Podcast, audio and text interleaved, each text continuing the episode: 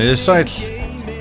Þá eru norðfyrringa þættirnir orðnir tíu en gesturinn í dag er Leifur Helgi Konradsson. Leifur hefur fengist við ímislegt á sinni æfi og er jafnframt yngsti gesturinn sem hefur komið í norðfyrringa hlaðarpið. Daniel Geir Moritz heiti ég og er þátturinn unnum í samstarfi við Sún. Gjörið þið svo vel.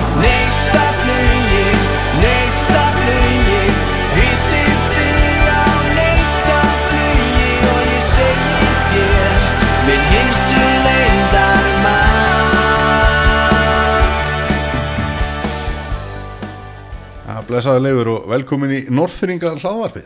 Sæll og blessaður, takk fyrir Hvað segir þú gott á þessum laugardegi? Laugardagur hefur verið með hittast. Já, bara frekar hess og bara góður sko Já Herðu, ég er nú ofta að ræða við fólk og, spyr svona hvar við erum þegar við erum að taka upp að þegar ég kíki gerðan í heimsóknu það er einhver framkvæmdir í húsinu og þér þannig að þú ákast að koma bara hérna til mín. Þannig ég ætla eiginlega að segja sjálfur hvar við erum. Og þetta er dálítið steikt að ég bý í Vestmanniðum og erum hérna í íbúð í ljósheimum sem barnaspítali ringsins á. Að í gær var settu dagur hjá koninni og, við erum að býða eftir að, að fjölgi í fjölskyldinni þannig að hlustinir fáum kannski eitthvað svona aðeins að vita hvar við erum stættir þegar við erum að taka þetta upp en já, nóg um það. Leifur, þú ert fættur og uppalinn norðfyrringur og, og mér náttúrulega eiginlega að byrja að spyrja þig bara hvað hérna fóreldræðin er heita og, og svona hvar þú ert alveg upp á Norrfyrir Já, þetta er þess að hérna Konráð Alexander Ottosson fættur uppalinn á Hofi og móðu mín er Ásildur Sigurðardóttir fættur og uppalinn hana norðan úr Bárðardal eh, Já, frekar kannski fyndið að það var hana hús hana einmitt við hliðin á tengdafóreldur mín núna bara hinum með við göttuna sem þau byggu í, ég man ekki hvort þá ári áður eða sama ár og ég fættist þannig, en áður en að ég fættist þá fluttu við á Valsmýri 3 sem er hann svona er það ekki efsti hluti bæjar? Nei, Nesbakkin er eitthvað aðeins og var svona allan ofalega í bænum. Já, við mitt og þar elst ég upp alveg þar til ég er orðin 18 ára og, og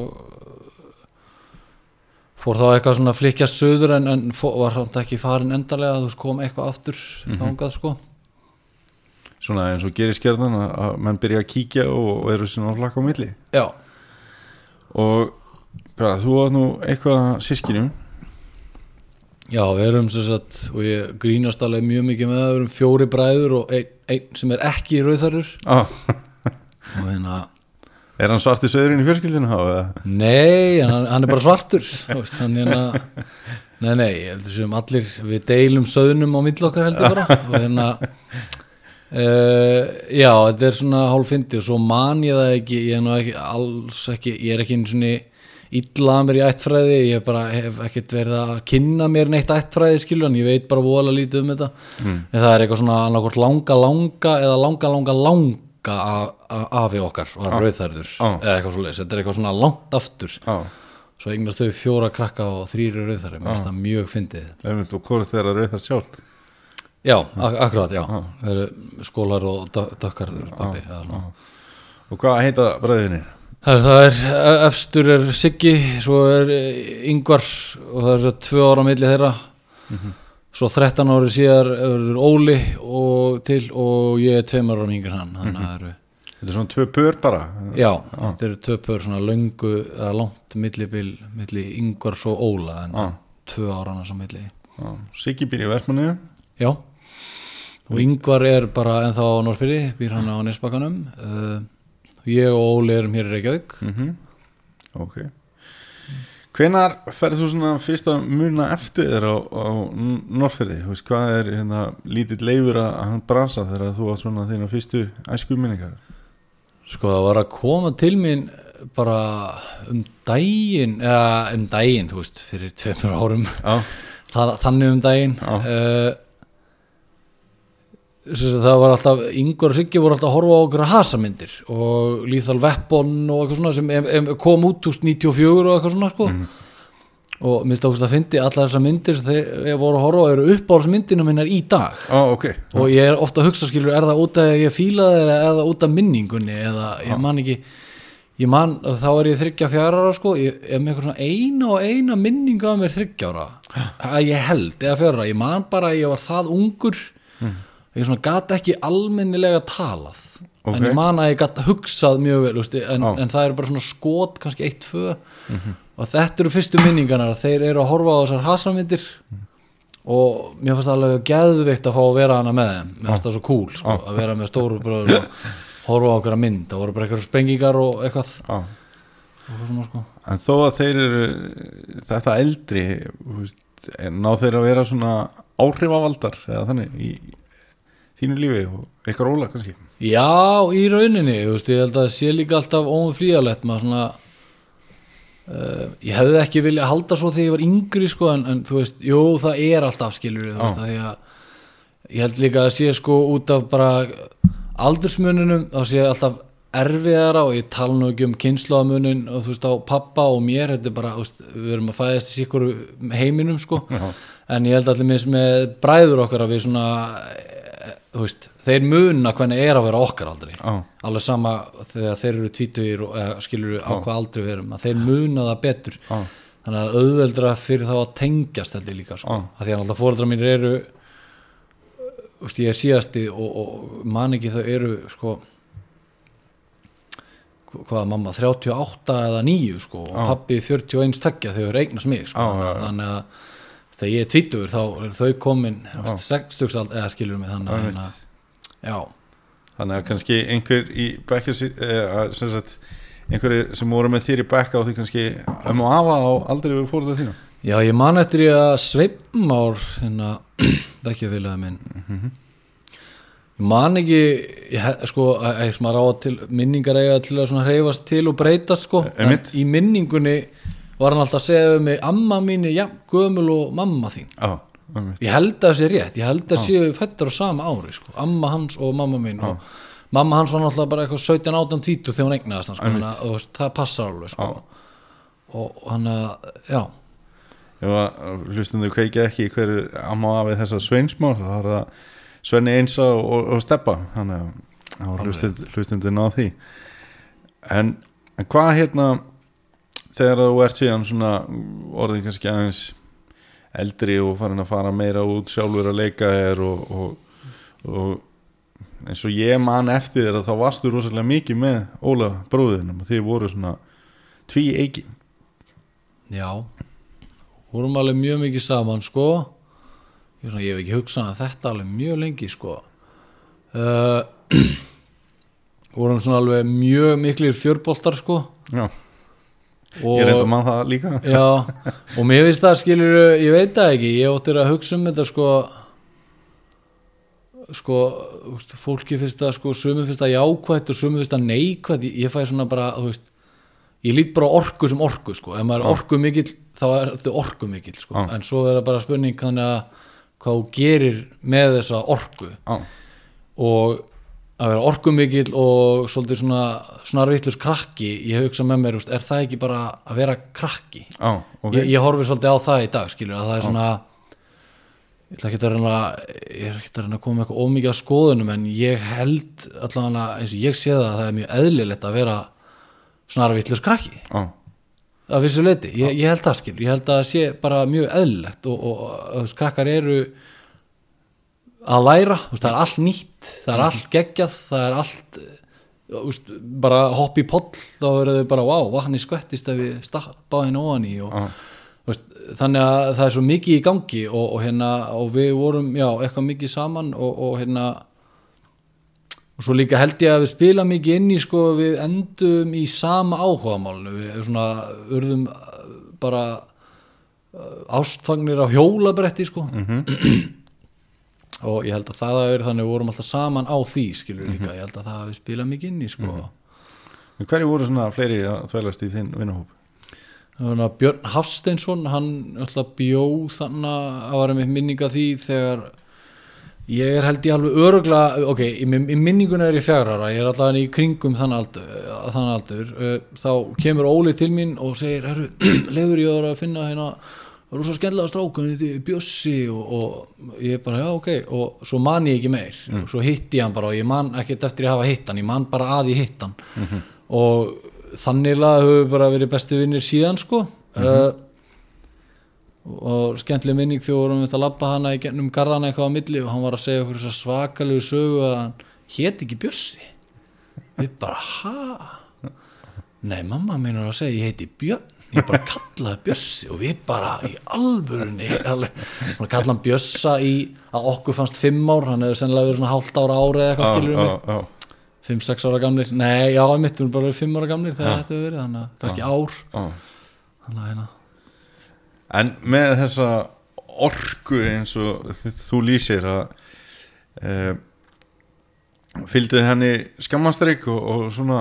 Já, já, já, ég, ég er alltaf að heyra meira og meira, sko, það var aldrei neitt eitthvað alvarlegt, sko, það var alltaf, veist, maður var alltaf að gera eitthvað, sko, þú veist, og, eitthvað sem vil segja okkur frá? Úf, ég man ekki neitt sérsta núna, sko, Ég heyrði hérna einhvern tíma að sögja því að hafa náttúrulega frændi minn þarna eiginlega í næsta húsi við hann Aron Pálsson. Já, akkurat, að einhvern tímann hefði, hefði hérna hefði fóreldrarnir komið heim og þá hefði þið verið svona dundi eitthvað að hjóla inni hjá þeim. Þá var það svona besti staðan til að hjóla þann dag ég man ekki þessu, sko, en það var nú svo sem uh, bara saklust ekkert eitthvað við sem sko.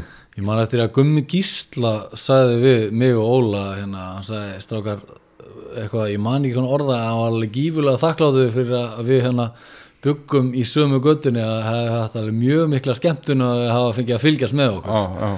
Við vorum alltaf að prakkarast eitthvað en ég veit það ekki, veist, við vorum ofta að kveiki eitthvað svona í og eitthvað skilur og eitthvað svona sko, það var alveg það sko. Já, bara eitthvað að djöblast á brettum og, og, og, og hérna voru mikið að gera dýrat og, eitthvað svona sko, prakkarast ekki eitthvað svoleið sko, já, en þú veist, ég veit það er bara hellingur, ég þyrfti að sittast niður og rifja þetta allt upp sko.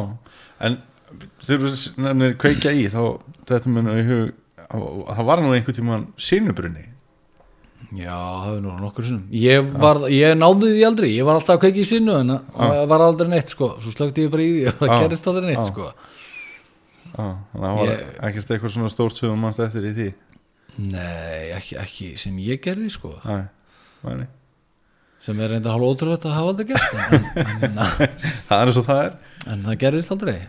En hvernig er það þá hérna f- fyrir því að koma inn í skólakerfið og hvernig hugsaðu þá um að hafa verið í skóla það var uh, svona vissuleiti gaman og öðruleiti erfitt sko þar sem ég svona átti alveg svo margir tengja örgulega við ég átti mjög erfitt með að sitja kjurr mm. þannig að ég fór að vera um, bara að hafa gaman í skólanum og svona og þú veist sem eh, var bara sumir kennarar höfðu gaman af en það er ekki skilur það er bara svo það er. Ah, þannig að þú veist ég átti alltaf rosalega auðveld með eins og það var alltaf sérstaklega sko eða þurfti kynni í skólasýningar. Þú veist þá var herjá úr sleifur þegar mér fannst aldrei neitt mál að standa upp og tala fyrir faramann ah, ok. Mér fannst það bara mega sens að ég var að tala og allir að hlusta á mig skilur. ég var bara já, allir svo hrættu við það. Ég, ég var ekki hrættu við það eða þú veist ah, stressaðist alveg upp en var ekkert eitthvað þannig hrættur við það. En, en svo aftur á móti að setjast niður og, og einbytta mig lengi mér fannst það alveg bara gífulega erfitt og ég var rauninni bara að ná einhverjum tökum á því bara fyrir þrejum fjórum árum svona, e, já, fyrir að verða núna fjórum árum sko. Ok. ég fór að aftur að ákvaða að fara að menta mig sko. Já. ég var þá 26 ára og, og, og, veist, þurfti ég svolítið svona að kenna sjálfum eða að sitja kjur og læra og mér fannst það ógeðslega erfitt sko. en ég náði því alveg og það hefur bara gengið mjög vel sko. En þegar þú ert þú á barni er þetta þá einhver svona kassi sem þú passar ítla inn í eða? já, já, já, alveg bara í rauninni passa ég ekkit inn í hann. Já, einmitt, eins og er náttúrulega mikið umræðin í dag sko, og eins og eins og ég var að tala við rétt á að byrjum að ég er núna að klára fyrir Sveinspro núna í hérna í vor í málaranum uh, og er bara að klára núna. Og, og það er sko námið er orðið verkefna skilda það er ekki annir eða, eða jú það er tengt inn á annir en það er ekki sko áfangar beint lengur. Það er heldur að verkefni. Ok. og ég er með eitthvað ákveðumörk verkefni sem ég þarf að skila. Og ef, ef það er tími á föstudaginn og ég kemst ekki á föstudaginn þá bara mæti ég ekki á föstudaginn. Já, þá mæti ég bara mándaginn í staðinn þó að sé ekki tími og bara klára verkefni eða klára að ég vel heima hjá mér. Já, svo skila ég myndum að og það er svolítið svona augljóslega er orðið svona fólk má leysa verkefni heima og allt þetta. En þannig var það einmitt, veist, ég verða með þetta tíma og ég verða að sinna þessu eins og kennarinn vill að ég sinni þessu. Og sem er rosalega þú veist kennarinn er kannski fættur árið 1940 og krakkin 1990 eins og ég eða skilur. Þannig að þú veist þetta er kannski ekkert slæm aðferð sem kennarinn með en, en hún er bara afleitt fyrir suma og ég held að þetta hefur verið að vera að sína sig og, og fólk er að samþykja þetta í dag alveg einmitt að já og ég var algjörlega einn af þeim sem sko, mér gekk ekkit illa í skóla sko, ég þurfti bara að hafa svo mikið fyrir sko, þú veist, alveg svona óþarlega mikið fyrir sko. ok Þú veist, þegar ég laði mig fram þá fekk ég alveg svona ágætti sengani sko. ég var ekkert að falla mikið sko. svona einu og einu prófi kannski sko. en, en ég miklaði þetta líka bara mjög mikið fyrir mér sko. Ég kunni ekkert að læra eða neitt sko. Var einhver sérstakur kennari sem var, var svona sem að var skott að vinna með? Það hafa? Uh, ég voru alveg nokkrir sko þegar ég bara allir sameiginlegt sko ef þeir mættu mér eins og manni. Já, þá var ekkert mál sko þú veist ég manna hérna Elvar hérna Jónsson, þú veist hann var bara lefur hættu svo kjaftaði og bara hlýttu þess mér að segja við þig eitthvað svona. Og ég bara, já, ok. Þú veist en ef hann ætlaði að fara að skamma mig þú veist, þá var ég bara pyrraður skilur, en ef hann bara talaði við mig og bara virðingu fyrir mér og ef ég var að rífast við hann þá bara reyfst hann til dæmis, eða yfirleitt þá baða mig bara um til dæmis að færa rök á móti. Það var lögminn, færðu bara rök? Veist, ég ekki bara minna, bara og þá veist, þá róaðist ég niður hann þurfti ekki að róa mig niður skilur mig en, en e, sko þetta sestu niður og þegiðu skilur mig. Þú veist, það, það er svona það virkaði ekki á mig það, það hafði gagstæð áhrif sko. þá talaði ég bara ennþá meira sko. En ég man síðan eftir því að uh, ég var eitthvað að brassa þarna að vinna í, í vinnuskólanum þegar þú ert að koma þar og hvort að hérna, það var einmitt og var oft svona já, næ, ég ætla kannski að byrja að spyrja því. Fannst þú fyrir einhverjum svona fordómum að þú værir einhvern veginn ómögulegur þegar þú varst það kannski ekki endilega? Þú veist, fannst þú það einhvað að fólk var bara svona hann er leifur, hann er nú alltaf svo erfiðu greinilega og eitthvað svona? Já, bara allt og mikið sko. Á, í rauninni, bara alveg gífulega miklir sko, ég er ekkert uh, þú veist uh, sko eins og gott, gott dæmi sko ég ætla bara að segja þetta, ég man að Ási Páll hann var með mig sko engakennari minn í einhverju fögum í einhver tíma. Man ekki í hvað ég er svona 14 13, 14, 15 ára eitthvað laus. Og hann sagði mitt við mig fyrir ekki svo lengur síðan bara, "Pff, leifur, það var ekkert mál að sinna þér maður. Mm -hmm. það bara bera virðingu fyrir þér þú veist, hann var tilbúin til að prófa skilur mig eitthvað í staðis að reyna að stjórna skilur Já. mig og, hann, hann, var aldrei neitt vesen sko, aldrei. það sem að ég man nefnilega, það var þú kom, komst þannig inn í bæjavinnina og, og þá var einmitt margir sem að settu sér í stellingar heldur að vera að fá eitthvað svona ansi snúin. Gott þú varst ekki valinn duglegasti krakkin í bæjavinnina eftir eitt sumari mér minni að þú er einmitt Já. valinn það sko já, rétt. og vandamáli var nú ekki meira heldur en það. Já, e- einmitt, einmitt þetta skilur Þa, þetta sem ég er að tala um skilur að þegar ég er að segja, eins og ég sagði hún snarvillus krakki, þá er ég hefur kannski hægt að útskýra það en núna er ég að gera það þú veist, þá er ég ekki að meina snarvillus krakki skilur, heldur er ég að meina skilur, ok þú veist, maður er bara akt út af einhverja tilfinningar skilur, og er það ekki bara eðlilegt skilur, þú veist, og, og hérna og, og einmitt, við láta hann bara fá skóplu og segja hann að grafa skurð og þá grefur hann bara skurð eða, skil, skilur, þú veist, þetta er ekki þú veist einmitt, sestu niður og þegið skilur, sumir krakkar gera það sko. En Mhm. Já, ég já. meina, er það jákvætt? Akkurat. Er það endilega jákvætt, þú veist, eiga allir að geta að segast niður og þegja þú Mhm. veist, eiga ekki sumir að tala og sumir eru betri að hlusta og þú veist, er það ekki bara Mhm. sumir eru nærsýnir og aðrir eru fjarsýnir og eiga að vera skammast yfir því, skilur mig. Er það ekki svolítið svona guðslutverk, skilur mig? Þú veist, nú er þú ekki að haga eins og mínar hugmyndir segja til um að séu farselar fyrir þig. Mhm. þannig að ég ætla að vera vondur við þig. Og þú ert fjagur ára eða, tó- tíu ára, þetta er rosalega brenglað ef maður setur þetta í svona samhengi skilur já. ég veit ekkert krakkin er að öskra. Mhm. hann er öskra er kannski Mhm. úst, ég, ég veit það ekki skilur þannig að, já. Veltur þessu fyrir þér í dag ef að þú hefði fengið svona öðru sinni nálgun heldur að hlutinir hefði farið einhvern veginn öðru sinni eða eitthvað svo liður eða skiptir þetta einhverju máli? Nei, jú, ég hef alveg oft gert það. Ég er samt meira komin á í dag sko, eins og svo við tala aftur um Ásipald sagði um mig sko, hann sagði mig, þú veist, ég var, hann sagði, þú veist, ég var erfiður sjálfur, hann ég viss alveg hvað leifur var, þú veist, ég viss alveg ég kunni á erfið að krakka. Þannig að ég í dag, ég finn, þú veist að ég hef alveg þólum að fyrir erfiðu fólki. Þú veist, ég, ég hugsa bara, já, þú veist, ég, ég, hérna, ég veit alveg hvað þessi er, já, já, veist, ég tengi alveg þetta. Og ég hugsa með mér, ok, ef lífið hefði allt verið í blóma og sóma og aldrei neitt komið upp á og allt verið öðveld Mm. ok úst, þá væri ég að missa öllu hinu tækifærum til að verða að gagni skilur, skilur mig, ég horfi á þannig sko, raunverulega sko. Og ég gerði það ekki alltaf sko, alls ekki en, en ég geri það í dag og það skilur mig þá bara eftir í rauninni með sko þú veist hvernig maður uh, þú veist það gerist eitthvað og svo viðbröðu mín við því Mhm. þú veist það er að sem dæmir hvort að þetta var slæmu upplifun eða góð já, já.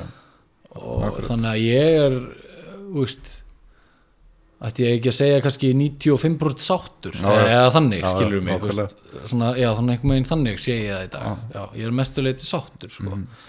Þú komst aðeins inn á áðan að það var ekkert mála að þrjuma þér upp á svið og þú áttir að bladra yfir einhvern hóp og svona mm. og svo þegar þú fer að komast um þetta á svona hennan úlingsaldur og, og, og þá ferðu að vekja aðtekli fyrir mikla svona leiklistar hæfileika og þóttir hans er góðu leikari og efnilegur þegar þú ert að komast á einmitt úlingsár hvernig, hvernig hvað, hvað, ég manu ekki alveg í varst að, í hverju varst að leika eða hvað það var sem að svona e, þú gerði til að vekja aðtekli á Norfriði fyrir leiklist?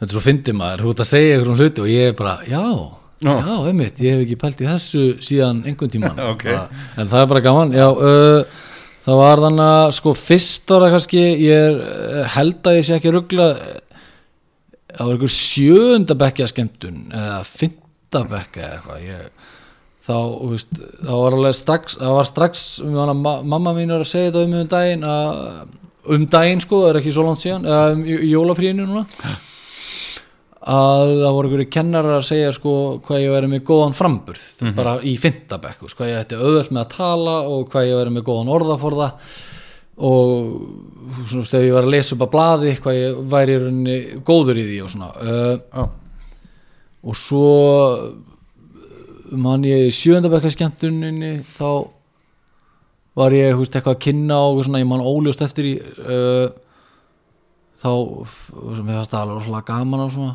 hvort ég bjói ekki líka til einhver atriði þar og eitthvað og lekið þeim sjálfur og eitthvað svona kennaragrín og eitthvað svona. Svo var hana í níundabekka skemmtuninni. Þar var svona húst, bekkurinn okkar var svona, einmitt svona mjög margir trúðar. Ok. Mikið læti eh, þú veist sko en mér langar að tala einmitt um það því að það var mjög mikið svona einmitt eins og við varum eitthvað eitthvað brjálaðast í bekkurinn veist en bekkur var nú ekki brjálaðar það við erum allir vinir. Skilur mig? Og, og, og hérna svo þetta sé nú bara nafnlausta þegar við vorum í nýjunda bekkjafærlæðinu og voru mannerski sem þorði ekki að hoppa fram að klettu og hann í vatn. Já, og allur bekkurinn bara og getur þetta áfram, áfram, áfram? Og hvart einstaklingin til að hoppa þá kallar við komum til að hoppa Já. og allir bara flott hjá þér þannig að þessi bekkur var nú ekki verri en það við vorum öll vinir og einhverjir hefðu farið í uppnefni og annað þegar að já, emitt, bekkir sem átt að vera rólegur um okkar en þannig kemur um og ég held að fólk sé flott að gleyma hvernig það var sjálft skilur um mig. Já. og ég held að við höfum ekki verið betri en ég verri en ykkur aðra bekkur bara með kosti og galla en hérna En hvað voru það að gera í þessari nýjendabækaskendur? já, þá sem sagt sko voru með sko hann Steppi Magg þannig íþróttakennari og trommuleikari og, og núna hvað, yfir maður nei, hvað er hann, yfir hardrock Já, hvað, er það ekki? Já. eitthvað hardrock eitthvað Ma maðurinn sem fann upp eistnaflugir? já, fann við beisamlega, hann hérna hann gaman að fá hann í bæinn, hann hérna Uh, hann var alveg bara, ég held að hann hafi verið að gera þetta til þess að sko fá pepp okkur upp. Við vorum, okkur vantaði atrið, við vorum ekki komið nógu mikið atrið með hann hann sagði bara, "Heyrðu, það verður ekki nýjöndafækskjöldum það er ekki komið nógu mikið atrið, þið eruð ekki að fara að gera þetta þið nennið þess ekki. Og ég bara, herru, ok, núna ætla ég og ég skrifaði held ég fimm atrið bara á einhverju mínútum. Skrifaði textana þú leikur þennan, þú leikur þennan þú gerir þetta og bara í alveg hlýðið mig bara að prófa þetta, þetta verður bara flott og allir bara, já, ok, og, allir voru til í þetta. Mm. samt atriði bara svona svona og þetta gekk bara mjög hratt. Og ég man að hérna hann fyndi að segja frá því, ég man hérna þetta var alltaf að taka fram að þetta voru við að íkja kennarana, ég man að og Huginn Ragnarsson var að leika Lilju og hann var Hitler þetta var svona alveg bara veist, ef það var einhver svona smá persónleika enginni Já. þá yktu við það í þú veist, þrítugasta veldi Já, já, lágmark já. það sem náttúrulega er bara, þannig er grín og gerir maður grín á fólki, maður tekur og hérna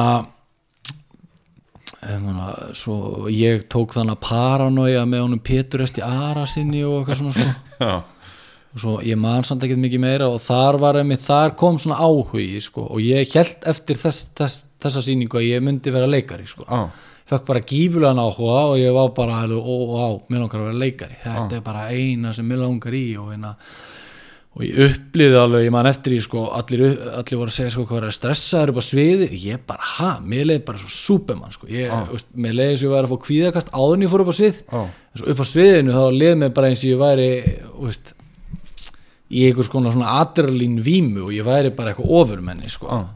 og mér leiði svo vel eh, á meðan og eftir sko. og hérna uh, já þannig að það hefur byrjað þar og hérna var í ég er kannski þá uppljóstur eitthvað leyndamál, ég veit það ekki, var í þessari skemmtun lagi, prumpufólki eða prumpulagi, var það sungið og gerð grína kennunum, mannst þetta því? nei, ég held ekki sko. Æ, ok, Það æ, örugglega verið eitthvað- ég held alveg öruglega ekki sko. æ, þá hefur kannski verið árið áður ég, ég sem sagt bjóð það atriði til fyrir einhver að krakka eitthvað og það mátti ekkert frétta sko.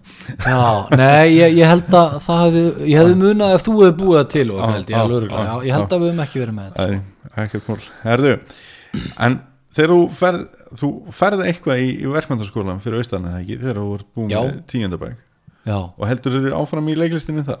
Nei, ég er bara eitthvað uh, Jú, ég sko fer í þrjár uh, hérna annir á Gurðil 3 Já, kláraði það aldrei engan áhuga og svo, veist ekkert þú veist, ég var bara eitthvað að reyna, þú veist, ef maður veit ekki hvað maður að gera og þannig að gerum maður eitthvað. Já, og ég bara, þú veist, fó bara á Grundel 3 bara af hverju ekki, ég vissi ekkert hvað mér langaði ætla að gera og hérna, enda líka kannski á 16 ára krakki ekki að vita það hvað hann vill gera. Já, uh, og ég tók þátt í sko fyrst var það hann að krummaskuð það var rosalega skemmtilegt leikrit. Ok. uh, þá krummaskuð, þetta var bara um krummaskuð algjör snild og, og það voru kennarar að leika með í þessu allt, það var mjög gaman. Já, og þar voru svona sko þú veist það var hann að býtum við nú er ég búin að, pínu vandræðilegt ég er búin að gleyma hvers svona hann er þó ég þekki þessa fjölskyldu mjög vel þannig að Birkir Freyr já.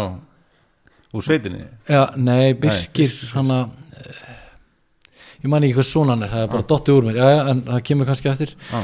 hann var aðalhuturkið en svo ég svona aðalhuturk nummer tvö. Við Já. vorum, veist, við vorum, hann var upp á síðinu 80% tímanum og ég svona 75% tímanum. Ok, og svo var eitthvað hann að eitthvað tvö önnur í viðbót. Það var hann eitt annað leikir líka sem Katrin Halldóra sem náttúrulega núna er bara stórstjarna. Mhm, uh, hún var að held að þetta með þess að vera það fyrsta sem hún leikstýrði.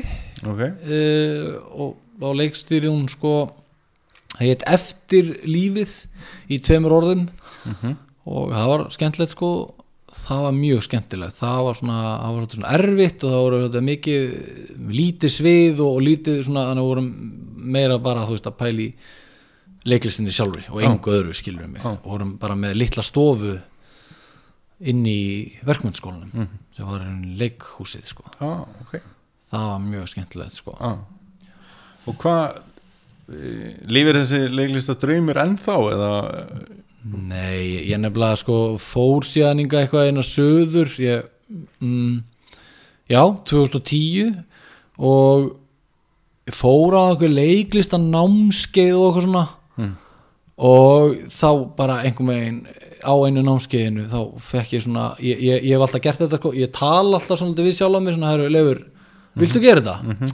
ég veit það ekki alveg, nei, ef þá ekki bara býða, veist, ég svona, og ég reyna oft svona hvetið sjálf á mig með svona sjálfstali sko, og ég er svona samræðan innan með mér á svona, jæja, Leifur vá hvað ég nennis ekki. Ég bara, nei, en ég þarf að æfa þetta ef ég ætla ná, og þá er ég að æfa einhvern texta og ég er eitthvað svona, já en Leifur, ef þú nennir þess ekki þú veist, þá getur ekki orðið leikari. Ég er bara, ég nenni þess ekki. Nei. og ég bara, ásaki blóti fyrirfram ég er bara, djöfullin ég nenni ekki að vera leikari. Og, og ég er svona, hvað vill ég þá gera maður, bara, óh og var alveg bara, ég held að þetta væri draumurinn bara, og ég bara misti þú veist, ég var þetta bara svona eins og, þú veist sumir skilur við fara í kokkana á mig sem komast ræði þeir finnst bara gaman að elda, þeir nenni ekki að vinna við það skilur, ég hafði engan áhuga að vinna við þetta með það bara bara alls ekki. Nei. en svo kannski líka inn á að leiklist er náttúrulega fleira, ég hafði mjög gaman að því þegar ég mitt var að hita upp hann uppistandi fyrir þig, ég hafði mjög gaman að því. Og svo er þetta meira svona skilur mig eins og ég verið í byrju, einni, tveim allavega þrem hljómsveitum ég ætlaði að mynda að spyrja á því það líka? Já, var að syngja, nei, við þrem eða fjórum, hefur verið að syngja í þrem allavega af þeim og, og hérna og, og það, það er svona sko kemur svolítið skilur þú veist, það er náttúrulega leiklist líka eins og ég veit að þú veist og uh, og áhugin er kannski meir orðið þar núna en á sama tíma þú veist, ég vil ekki vinna við það sko, að því að, að því að ég held að sko ég held ég var yngri sko að hérna veist, það væri bara svona að vera, listamaður væri bara gaman.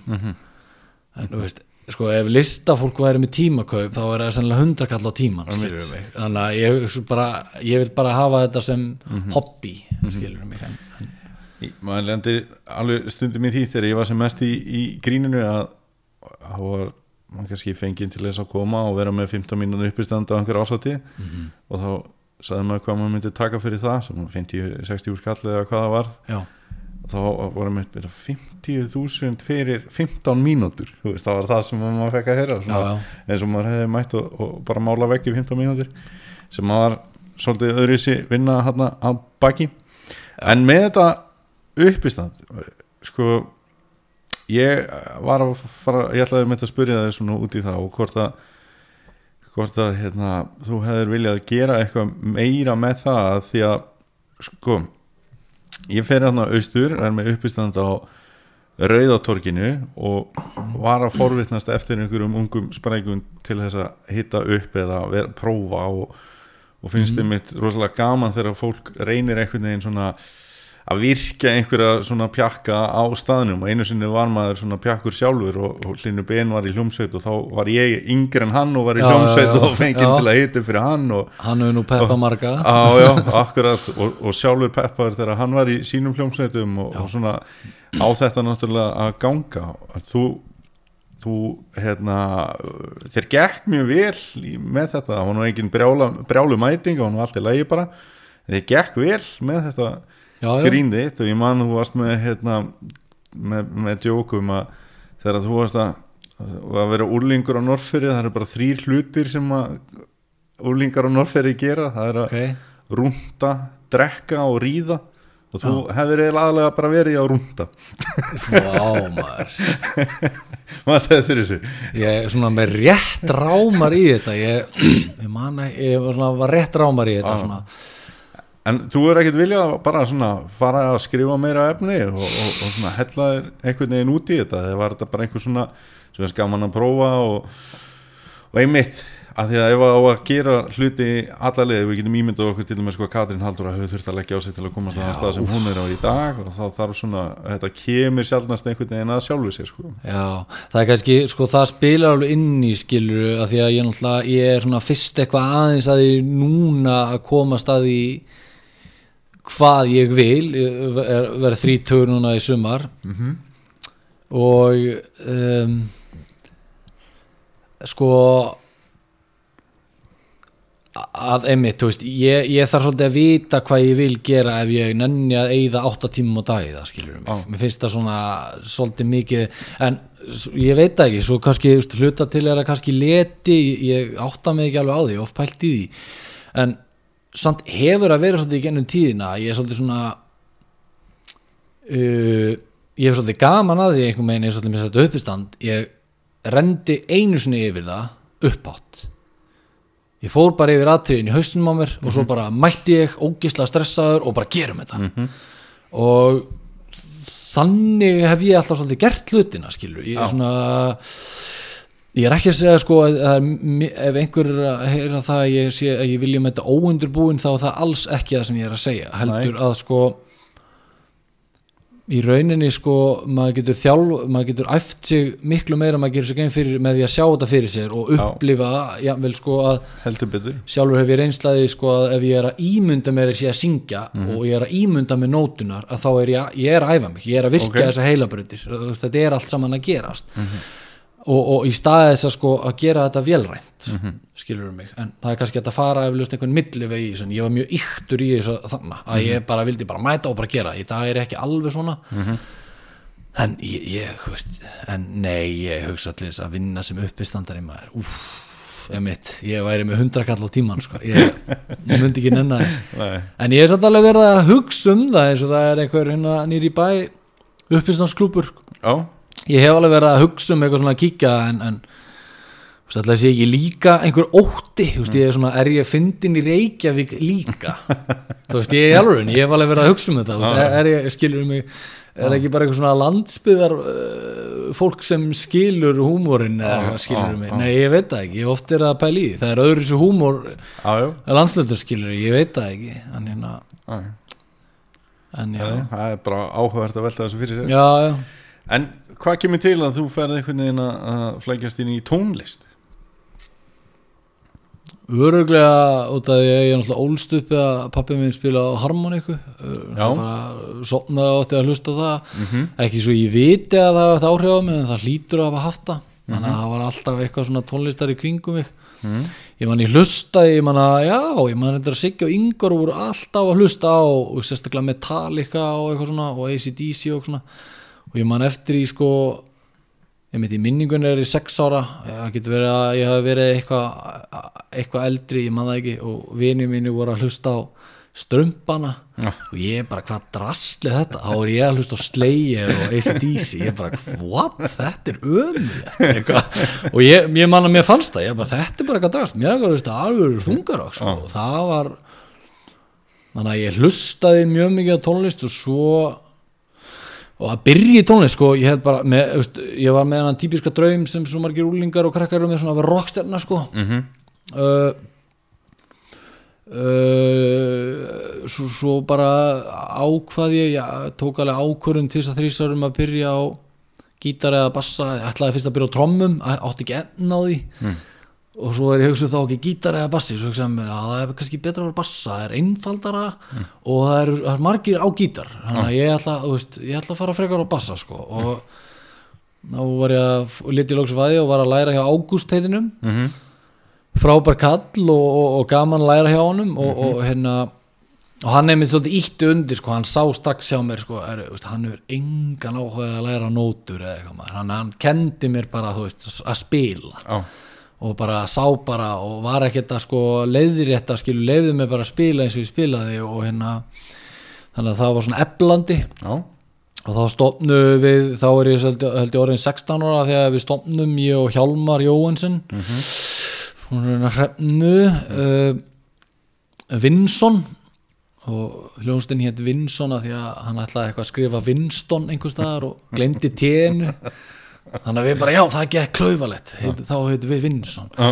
og það var bara svona rosalega mikið svona þungarokk eða punk, skástrík bara grín, og þetta var bara húmor þetta var bara gaman og það var bara mikið læti og eftir að hyggja veit ég ekkert hvort þetta við hljómaði eitthvað vel en fólk hafði gaman að þessu skilur Hverju voru fleiri með þessu? Uh, það var Brynjar Rúnarsson og fyrst voru við bara þannig. Já, eða fyrst voru við sko úst, voru við eitthvað með annan kýtaleikara hann er Jóhannes Freyr Sigursson og svo Björn Hastisson, hann var fyrst að syngja.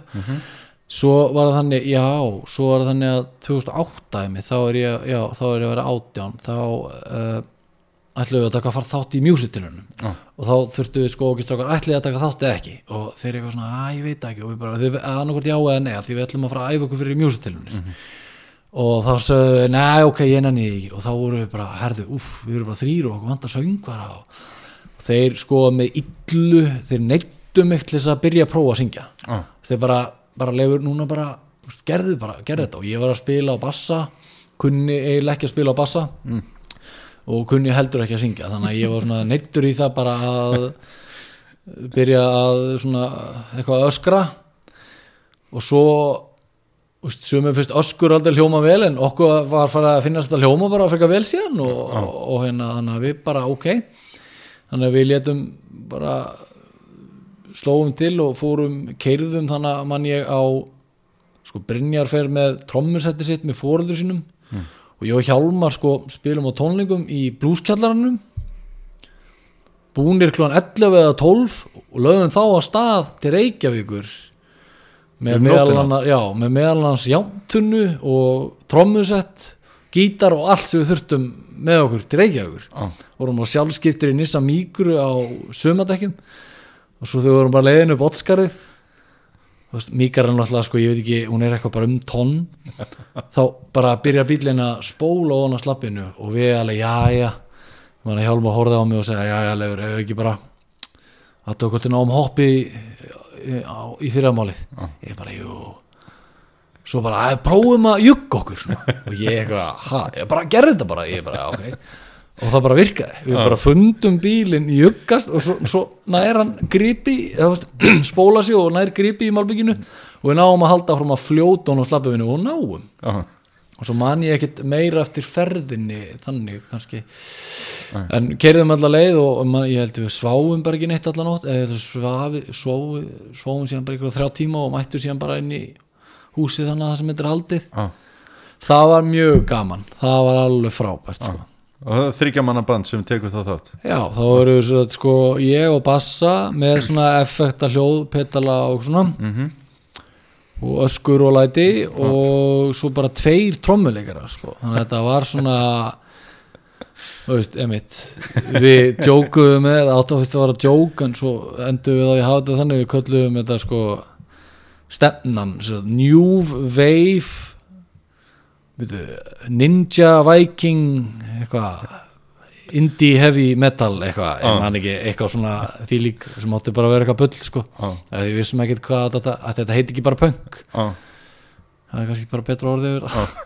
Eitthvað sem byrja samt á New Wave, það hljómar heldur við Já, við vorum eitthvað veist, ákveðum bara, eins og segja þetta var bara mjög mikill húmor og, og hérna en ég man á sama tíma var maður alltaf með svona eru við kannski að fara að meika Já, og veist, það var alveg, mér finnst það mjög svona eftir að hyggja þykir mér mjög væntum að þennan, veist, draum. Mhm, að því engan áhuga að vera tónlistamæður ég myndi aldrei nenna því, sko, mitt bara tónlist ég elskana en ég myndi ekki nenna að vinna sem tónlistamæður en mér þykir mér væntum en draum að hafa verið í þessum draumi Voruð ekki með eitthvað slagur hérna Vinson will rock the world? Já, ég held Við það? Bara- ég held bara að Brynjar hafi bara skrifað á Facebook síðan okkar að því að Vinson var upptekið þannig að hann skrifaði bara Vinson já, vil rocka bóð Já, já, já. og við eitthvað, ha? hann bara já og við eitthvað, ok, það er bara flóna og eitthvað.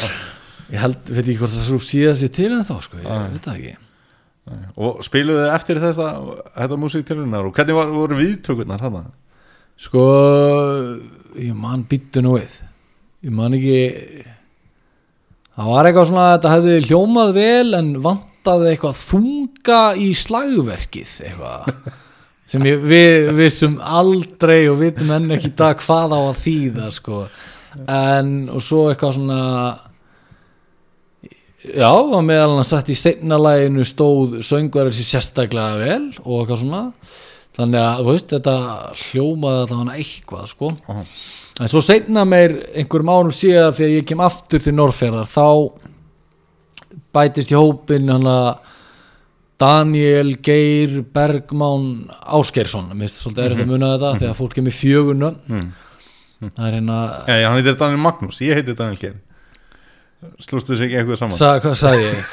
ég veist, Daniel Magnús. Geir Já. ég, ég get ekki muna þetta það var hann að Daniel hann að gítaríkarinn þetta er bara of ég rugglaði þeim bara saman og þínuna við hann, hann slóst í hópi með okkur og var gítalegari og það var mjög gaman, þá svona gjör breyttist það og það var alveg frábært að fá hann inn í þetta. Þetta var svona að því að hann gætt sko skilið sko, þú veist, málið er það að megni af lögunum okkar var yfirleitt þannig að ég kom með grunn.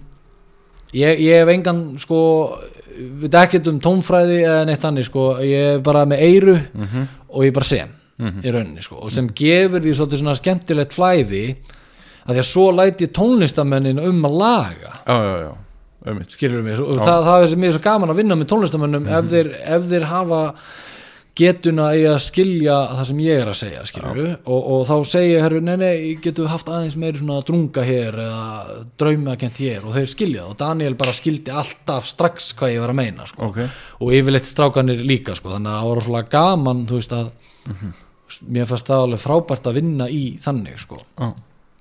Það, þá voru að spila bara sömu lögin en, en sömdum ný lög líka sko. Mm.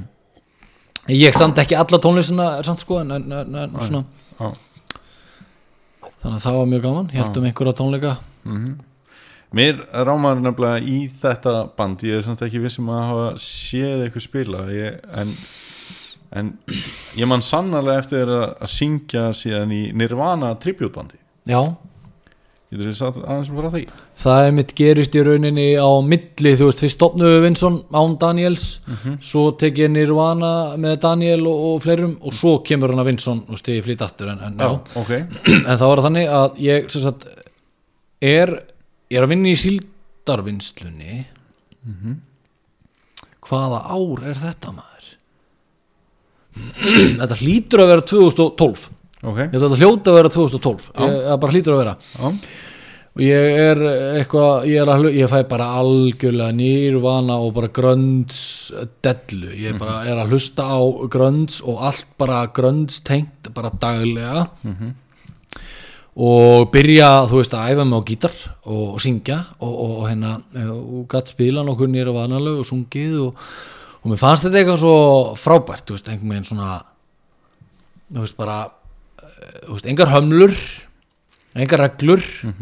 Þú veist, þetta er sko, þetta er einmitt það sem ég finnst mjög leiðinlegt þegar sömur miskilja eins og til dæmis, já, þú veist að Kurt Cobain var ekkert svo mikil tónlistamæður Kurt Cobain var með tilfinningarnar í tónlist.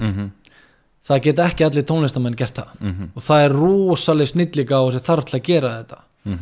Og það er alveg geðveikt flott finnst mér og, og þú veist að mismundi hvað fólki finnst flott en, en, en, en ég sækist þetta þessu þegar að ég heyri tilfinninguna í gegnum skilur með tónlistina. Einmitt. Þegar það er eitthvað sem þú veist það er ekki hægt að kenna þetta. Æ, það er bara ekki hægt, þetta er eitthvað það er kannski hægt að beina eitthvað svona í einhver áttir en ég veit ekki hvort það sé hægt að kenna þetta. Einmitt. Og skýt mér það hvort það var besti gítalegarinn ég meina það, það minnst ekki tengjast málinu sko. en þetta höfða er rosalega mikið til mín fann ég og, og, og mér fannst ég svona ná röddinn hans og fannst ég bara einhver meginn ná þessu. Fannst ég bara að vera með þetta einhver meginn eins og maður upplýðust þetta, ég var bara svona þetta er ég að ná, veist, ég er að ná þessu. Ég skil hvað hann er að fara með þessari tónlist og, og einhver meginn var á vöktum og þannig ég var kannski með þú veist, þrjá tryggja daga frí. Þannig ég þurfti ekki að gera neitt. Þannig ég var bara spilandi á gítarinn stundum einhverja fór upp í 6 til 8 klukkutíma dag sko. og reyna að semja lög og samdalög lög, einhver örf á að tugi laga sko, á innan við kannski hálf ári sko, bara svona gröndslög og svona. Og, og mér er skóð og allt en hérna ég, ég, ég, svo í rauninni er ég fæ ég þessa hugmynd bara um að stopna sko, mér langar að stofna hljónsett og ég hugsaði með takið sem nýru vanalög og ég man ekki held ég að og ég byrjaði að tala við Brynjar. Við erum inn á kaffihúsi ég man ekkert af hverju við vorum báðir inn í Reykjavík ég get ekki muna og ég, ég ber þetta sama við hann og segi erum báðið með svona stóra brúsa hérna á kaffi við- nei, href, hressingaskálin þá fyrir maður svona, þú veist, einmitt svona brúsi, ég veit ekki hvað þetta er hálfu lítir eða meira af kaffi, sko. Já. og svo reykt, ég reykti tóbak þannig að lungu hættu því og eftir að við vorum sjálfsagt búin að úst, drekka mitt lítra kaffi og hérna reykjaði, ég veit ekki hvað margar sígarettur og byrjaði að skjálfa og alveg bara að tala og tala og tala. Þá hérna, úst, hann, honum fannst þetta bara geðvik hugmynd, sko, hann var bara leifur, váka ég til í þetta, hann er svo þá náttúrulega á trombum. Og, og, og hún leist ógeðslega vel á þetta. Og ég bara, ok, að því ég megin bjóst ekki við því, ég er svona ágað, þú veist, það er svo gott, þú veist, ef maður fær einn einhverja hugmynd, þú veist, þá er maður svona líka með þessa hugsun, er þetta kannski bara eitthvað rugl í mér, akkurat en það er svo magnaði einhver annar, veist, Brynjar og ég erum ekki neitt rosalega líkir, en hann bara fekk alveg bara, við lifur, þetta frábær hugmynd. Og áður en ég veit af, þá er hann bara búin að segja það við Daniel og Bjarka Hall og bara búin að ákveða að þeir veri bara með og þeir bara tala við mig og þá Bjarki á bassa og Daniel að spila á gítar. Og ég bara já, já, geðvitt það eru flott, já, ok og ég man ekki svo bara, ég man ekki, byrju hvar voru við að æfa meir, ég man það ekki. Jú, við vorum bara í blúskjallaranum já, og við bara byrjum að æfa og, og, og við hei, hei, heyrðum það sko strax í rauninni sem ég vissi sko að, að ég hefði heyrta áður þá er ég með Óla bróðum mínum og Hjálmari hinn í Reykjavík þá tóku við eitt nirvanalag, ég glemdi þannig kom hugmyndin. Tóku við eitt nirvanalag, hann að Territorial Pissings. Ég hugsaði með mér, þetta er skýtlega slag best að prófa það. Það var einhver tvö mismunandi riff og, og bara endurtekið. Og svo kemur aðeins meiri kraftur í viðlæðinu og svo bara endurtekning, þetta er bara mjög einfalt lag. Og þeir voru leifur rú- alltaf að segja við mig rosalega nærðu röddina spil og ég bara, já það. Ok, og þar svona, ég var búin að gleyma þessu. Þar fættist þessi hugmynd upprunalega og þannig að, en eftir svo ég fer tilbaka þess að þegar ég er með Brynjari og Bjarka Hall og, og, og Daniel á æfingu að það, það var svo mikið svona, herru, wow, strákar þetta hljóma vel. Og svo var það annað með svona róleri lög eins og Heart Shape Box og svona mm sem krefst ég að syngja sko. En ég var alveg vissum skilur ég það bara ná tökum ég það bara fatta tæknina sko. Og ég í rauninni heldi mér út í þetta gjörsamlega, þú veist, ég fekk alveg svona að mætti sennilega kalla þetta bara þráhyggju sko, ég, ég var út að labba með hundi minn, uh, kuppur sem er náttúrulega dáinn. Var út að labba með hann og ég man að ég var með sko, heyr, var með hérna heyrnatappa, hlusta hann eru hana í öðru eyranu. Mm. þess að ná tóninum hreimnum, svo því ég var búin að hlusta lagi tísunum og raula með þá hlusta ég á live upptökuna og hlustaði líka á það og ef lægið var líka síðan tekið á að MTV Unplugged þá hlustaði ég líka á það. Úst, og þannig að ég er rauninni stúderað eins og ég væri að læra fyrir próf. Bara algjörlega þú veist, þannig að ég var með stundum þá var ég með úst, þá var eitthvað svona í upptökunni það sem heyriðist svona sérstaklega svona andadrátturinn og þá apaði ég eftir því. Já, og það var skemmtilega var að strákanni gerði þetta líka, ég man að Daniel það er hann að þekkt hana í þegar hann tekur sólóið í gítarsólóið í þannig að Man Who Sold the World eftir David Bowie. Það kemur svona að sem hann hittir ekki alveg akkurat að réttu nótun og þarf að færa sig. Allir sem þú þekkir þetta mitt og Daniel gerði það og ég man eftir ég að hérna Gilvi og Marín og þannig týpurabræðir, þeir alveg bara Daniel, yes, þú gerðir og hittir ekki að réttu nótuna, góður. Og veist þannig að við svona lögum okkur virkilega fram og ætla að ná þessu, það var mjög gaman. Ég man eftir að hann farið á tónleika með ykkur í, hérna, á Rauða torgin og þá maður, hugsaði maður einmitt sko þetta er örgulega bara það sem maður eftir að komast hvað næst í að sjá bara nirvana, eða maður fannst þetta vera einhvern veginn sko ég var maður, mér finnst mjög gaman að fara á alls konar viðbyrði og, og, og væntingarnar sem að maður fer með á viðbyrði eru náttúrulega mjög misjafnar. Og þarna fór ég með þær væntingar að sjá hressa stráka og vera að gera tilrunir í tónlist. Já, og svo fór maður einhvern veginn heim eftir þetta kvöld og maður bara shit, þetta var bara ríkalega gott. Þetta lukkaðist vel. Já. Já, það lukkaðist mjög vel. Svo að líka sko, við, við leifðum okkur líka að vera yktir, veist, þetta Já. var alveg svona, ég man við byrjuðum þannig á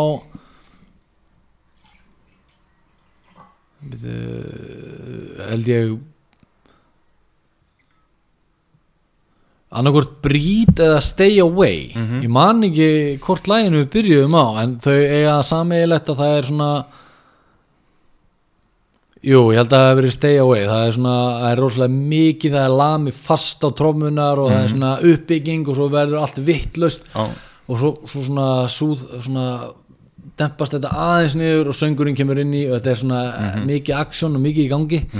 Og þá og það er komið reykur og, og, og svo byrja strákanir og, og svo allt í einu kem ég og ég er með náttúrulega með mitt ljóna hára á þessum tíma, ég var með þú veist svo að fólk skilja ég var með sko náttúrulega krullur ekki úr þessum heimi sko og alveg eldraut hár og sko það náður nýr og gerfurtur sko. Já. Þú veist, það var bara, ég var með alveg bara svo er ég með sólgleru og í svona skirtu og ég nýr vanaból undir sko. Og allt í einu kemur einhver þannig og lappar hana út úr myrkrinu og upp á sviðið. Og ég heyrði þetta svona, hei, er þetta ekki leifur? Og fólk að skilur mig og orðið spennt og svona, hvað er í gangi? Og, og svo var það þannig að ég, ég man ekki nafni á honum hérna, bró, yngri bróður að fúsa þannig sem Sigfúsar þannig bara hljóðmaður. Já, Sveiggunar, Sveiggunar, hann var hljóðmaðurinn Ah.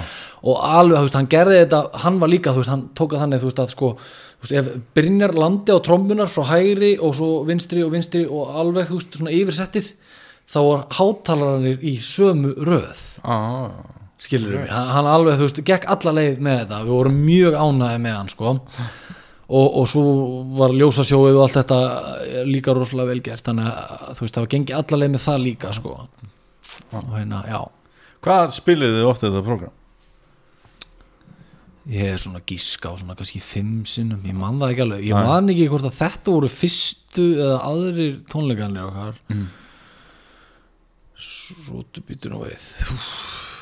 ég man ekki, svo fóru við þannig á Húsavík einu sinni, kerðum þáka og vorum að spila þar á einhverjum, einhverjum bar þar. Ok. Og þá bara með þetta nirvana program já, já, Býtu, svo man ég ekki hvort við vorum líka með þetta í blúskjallarunum eða eitthvað. Ég er ekki alveg að ná að muna það núna sko.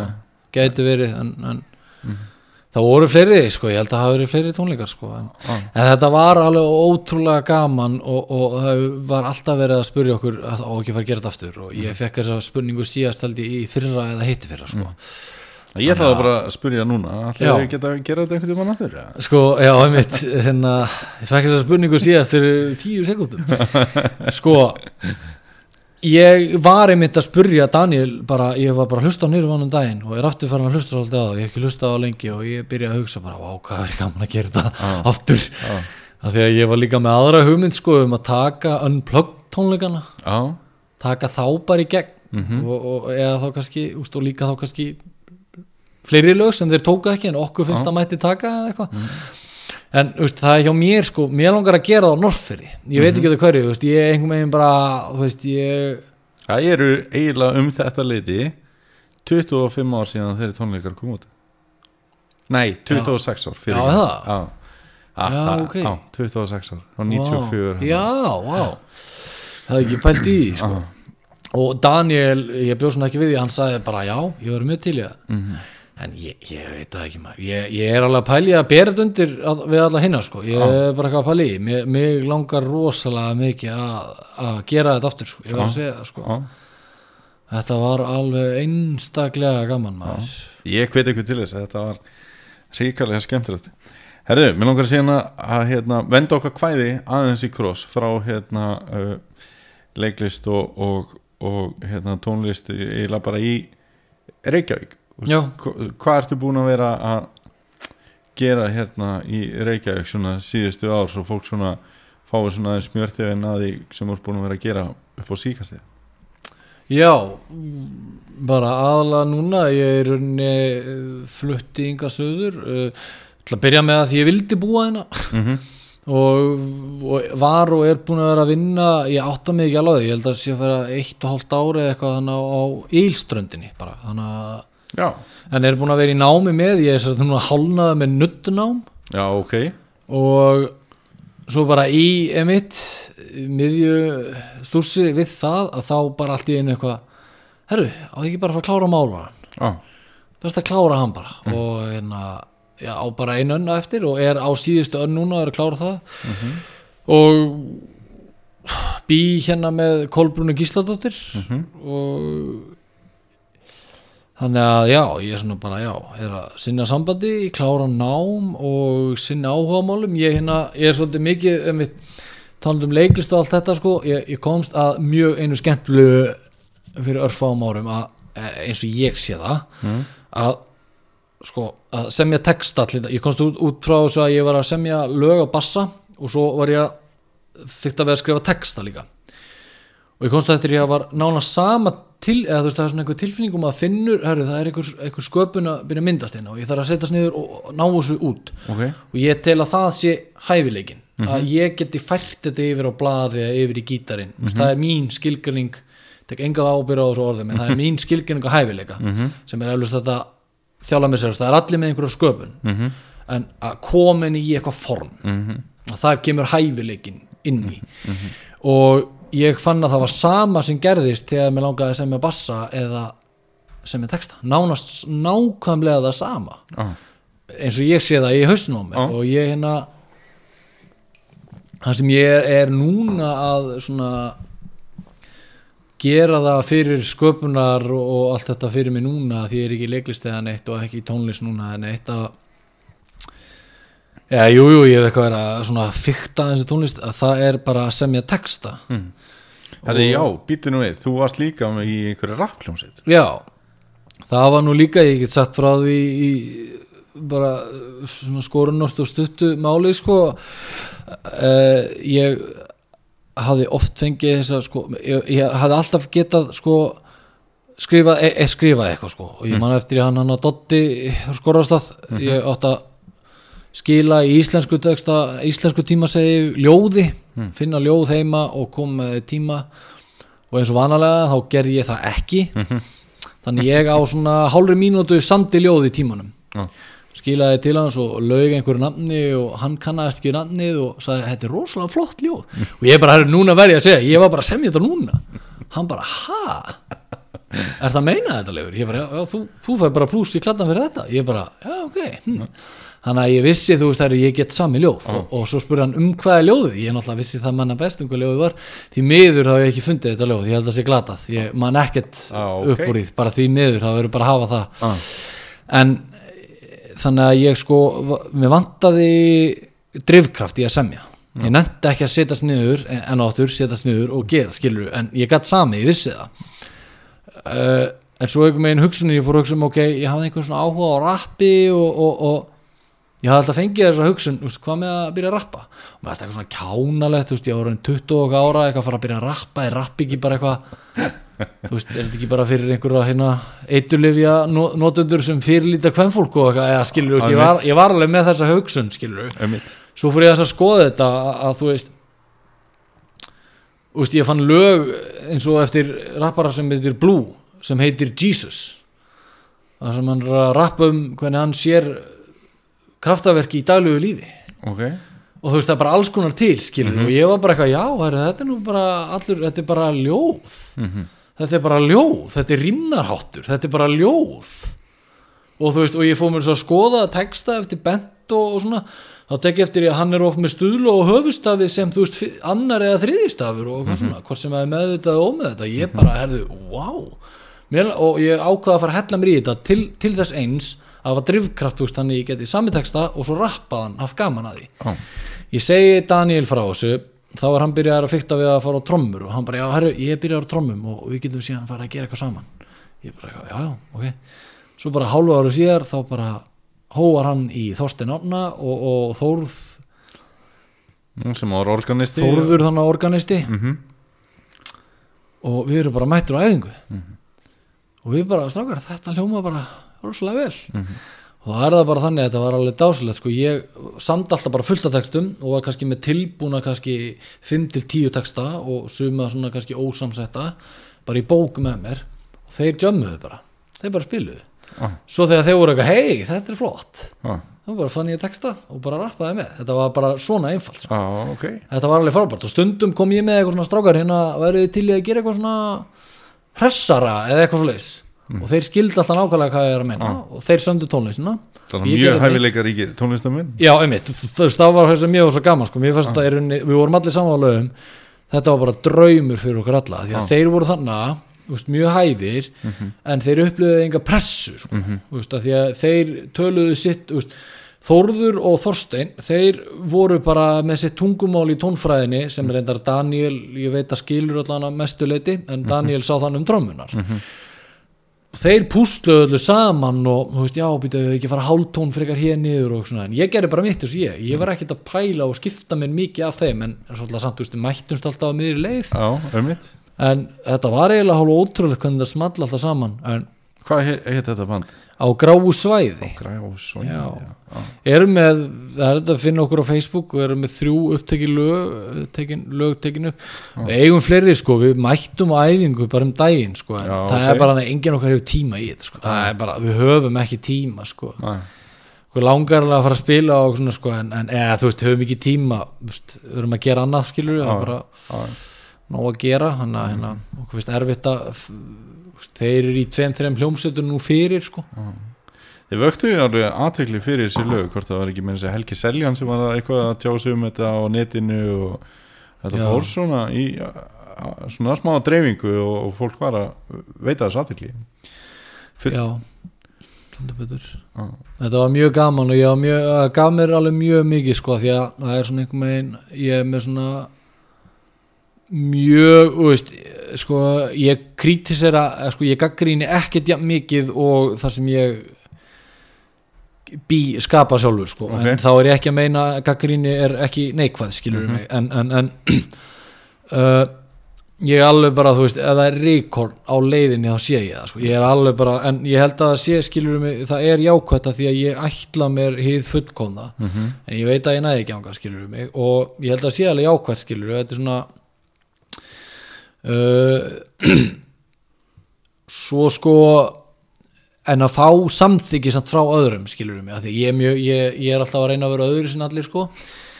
Og ég teki eftir að margir segja sko mér er sama hvað öðru finnst. Mér er alls ekki sama hvað öðru finnst. Alls ekki, annars væri ég örglega ekki að tala hérna skilur mig og allt það. Þannig að mér finnst mjög mikilvægt og gaman þegar maður er að gera eitthvað svo vel og fólk segir manni það, veist, og, og maður fær það tilbaka skilur og mann að gummi gíslaði mitt hann setti sko inn á netið textabrót úr texta frá mér. Eitthvað, vá, þetta er flott og eitthvað svona og mér þótti rosalega vænt um það sko. Já, og þegar sko ég man að það kom ég bara man ekki hver þetta var. Ég, ég- því miður ég bara búin að gleyma eða hvort ég þekkan kom maður eftir tónleika hjá okkur fyrstu tónleikan okkar Eisbú sem voru bara frábærir og mistum okkur alveg og þetta var alveg bara frábært kom maður sko hann er, ég held að hann hafa verið áttræðis aldrei sko. Og spurði mig samtið þú þess að texta sjálfur Unnur?" og ég bara já. Rosalega var þetta flott hjá þér. Og ég bara er þakkaði kjalla fyrir. Og ég man að við strákanir vorum að tala um sko, þetta á markmiðu okkar að 16 ára krakkar og fólk á 11 árum myndi fíla þetta. Já, ömmit það var markmiðu okkar sko. og, og, og uh, 16 ára frændi minn þá sem er reynd 10 eða, eða 17 ára þá eða eitthvað Stefán Ingi Ingvarsson það var bara leiður, þetta er úkslega flott. Þannig við bara yes, við náðum þessu. Já, já. Það var mjög gaman sko. Ekki öllum gefið að ná svona breiðu aldurspili að hlusta? Nei, mitt, það var bara, já, það var einmitt, ég held að það hefði verið jazzin, sko, að Þórður og Þorstein, þeir voru með jazzin í þessu sem hafi gert það, sko, því að fólk fílar jazz, hvort sem maður veit það eða ekki, sko, jazz áhrifin eru á mörgum stöðum, sko, þó maður fatti það ekki alltaf, sko, ég held að það sé oft svona, já, sem getur nær yfir breiðar í hóp en, en margt annað vil ég meina, sko. En þú er aldrei spáð bara í að drifkrafturinn geti verið í ljóðabókin Ljóðabókin. Já, hann bara búa til ljóðabók Já, sko, ég er að vinna bók, sko Já, ok. Ég er bara að gera það mjög hægt Ég er bara ekkert að flýta mér að því Ég er sko Ég tók bara ákvörunum daginn Ég er búin að vera að lesa nú, ég er að lesa þriðju eða var að klára þriðju eða fjórðu bók þetta er Þorberg Þórðar. Ok, og lesa sex bækur eftir Gretar Fells þú veist hver það var og ég er bara, veist, ég er alveg dólfall mér finnst þetta alveg frábært, mér er svo gaman að lesa þetta. Ok. Og veist, ég er að skrifa sko, þetta er í rauninni sko, þessum nafnheitið verður líklega bara skáldæfisaga hugreiningar, textar og ljóð eitthvað svona, Ah. þannig að er að því að þannig er ég svolítið, þú veist, ef ég er gjössamlega óbeislaður, ég má gera það sem ég vil og líka núna sko, ég er ekki að skilur, nei, ég á ekki að skrifa svona. Það er enga reglur, ég bara eh, þú veist, eins og daginn og satt ég á kaffihúsum í kærusunum minni. Og Kolbrúnu og ég bara ákvað að skrifa um mér fannst þetta bara eitthvað svo fallegt moment. Mér fannst þetta bara allt eitthvað svo fallegt og aðeins og ég skrifaði þetta bara niður eins og mér fannst flott að skrifa það niður. Ekkert flóknar það og, og ég ákvað bara að skrifa þetta allt svona. Og en þú veist ég held að ég, ég er ekki ef einhver er spendur yfir þessu ekki haldið í randanum sko. Þetta er eitthvað sem ég er ekki að fara að gefa út á næstu árum. Þú veist þetta er svona ég finn bara þú veist það er svona draumur um þetta að gefa út bók. Á, og draumurinn er að gefa út bók. Ef ég tapa hálfri miljón við að gefa hún út þá er ég mjög sáttur. Ef ég enda á nulli þá er ég miklu meiri sáttur. Ef ég græði eitthvað á henni þá er ég alveg heimillifandi sko. eng, mér er alveg sama veist, mér langar bara einhver megin, ég veit ekki það er eitthvað sem svona kall, þetta kallar á mig. Veist, ég verð að gera þetta. Ég nota stundum svona pælingu að því að, að það er eitt og annað sem að ég reynd að hrinda í framkvæmd bara á minni lífslega að ef að þetta skildi fara ítla þú veist að það er eitthvað svona tap á því þá Já. hefði þetta bara verið mín golfferð þú veist, maður setur það bara í það sumi fari í golfferð í alvörinni en ef ég tapa og gera eitthvað svona verkefni þá var það Já. bara mín golfferð og ég bara hæsti ánað með það sko. já Þannig að- en að þú nefnir hérna Kolbrunu mm. hún er nú músikölsk hafið þið Já, ekkert spáði að, að hérna, gera bara einhverju tónlist saman Við erum búin að semja uh, svona beinagrind að tveim eða þrem lögum á Sant Daniel núna sko. Ok, og það er mitt svo einfalt, veist, ég, ég, ég mig eitthvað texta og er svona með einhverju svona ég kalli þetta viðmið að sönglínu eða laglínu og svo læt ég hana tónlistamannin fá það sem ég er með og hún jazzar þetta upp og Ah. gerir þetta að meira tónlistaverki og ég skil ekki til því það er það sem ég elska við tónlistamenn Ah. ég, ég gerir bara mitt, ah. mitt sem ég Ah. og, og kannski smá svona hugmyndala línu og, og, og hún gerir þetta að sko, hún finnur í tónfræðinni jazzljómana og allt þetta og sko það eru komin, já nánast komin þrjú lög og við erum eitthvað bara svona að hugsa með okkur okkur langaði bara, þú veist að bara alltaf að gefa út, þú veist, bara á netinu skilur já, ok, spennandi. Já, Herri, það er eitt sem maður langar að spyrja þig bara í lokin. Þetta er Já. nú að líða að enda hjá okkur. Já, uh, með Norrfjörð. Þú ætlum að fara aftur svona það sem við byrjum já.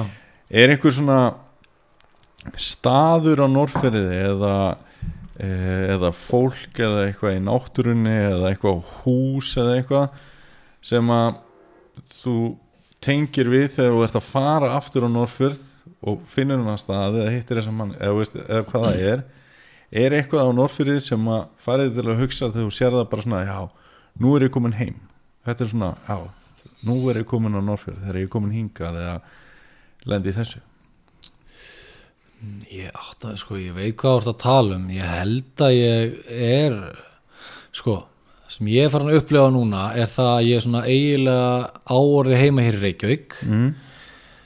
en ég er alltaf meðvitað það um að ég er frá Norfriði Mhm. og ég er alltaf að sjá það betur og betur sérstaklega sko og ég ætla að taka fram, ég er ekki að meina þetta í pólitískri meiningu heldur samt þetta rauða viðþorf þetta þú veist, ég alltaf að sjá það betur og betur skilur um eitt hvaðan ég er út af allimis, kommunisma, pælingunum og allt þetta, þetta er svona já, ég er svona út af því að ég er frá Norfriði skilur ok, og ég tek alveg eftir í sko ég, að því að nú er uh, Óli bróður minn á fyrstu önn í málaranum og ég er að klára.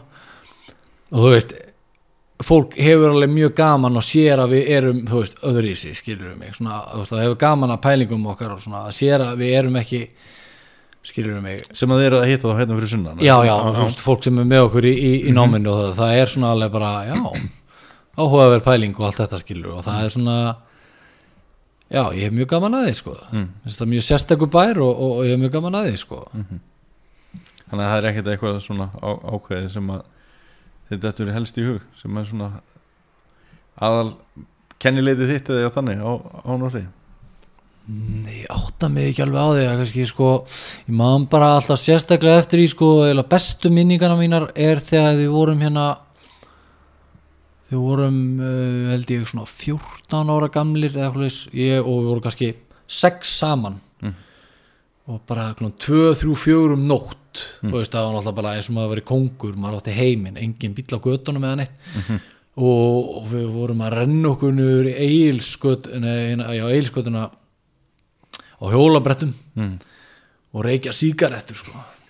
Lögumur ekki.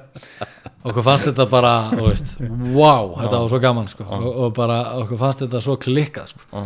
Einir í heiminum. Já, emitt, bara einir í heiminum sko. Og það man hvað þetta var góð tilfinning maður. Á, og svo líka sömulegis bara frelsið skilur mig, þú veist að, hérna maður fæði út og ég man eftir hann á Nesbakka, maður fór út að leika sér. Mhm.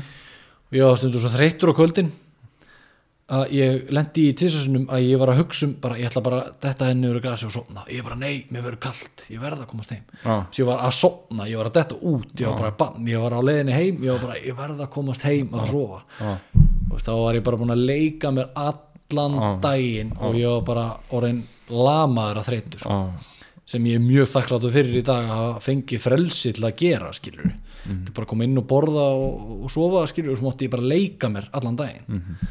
nákvæmlega. Það var alveg frábært sko. ja, þú veist, á sömurinn skilur. Herra Lifur, takk kærlega fyrir spjallið og gangið þér áfram vel. Sömuleiðis, þakkaði fyrir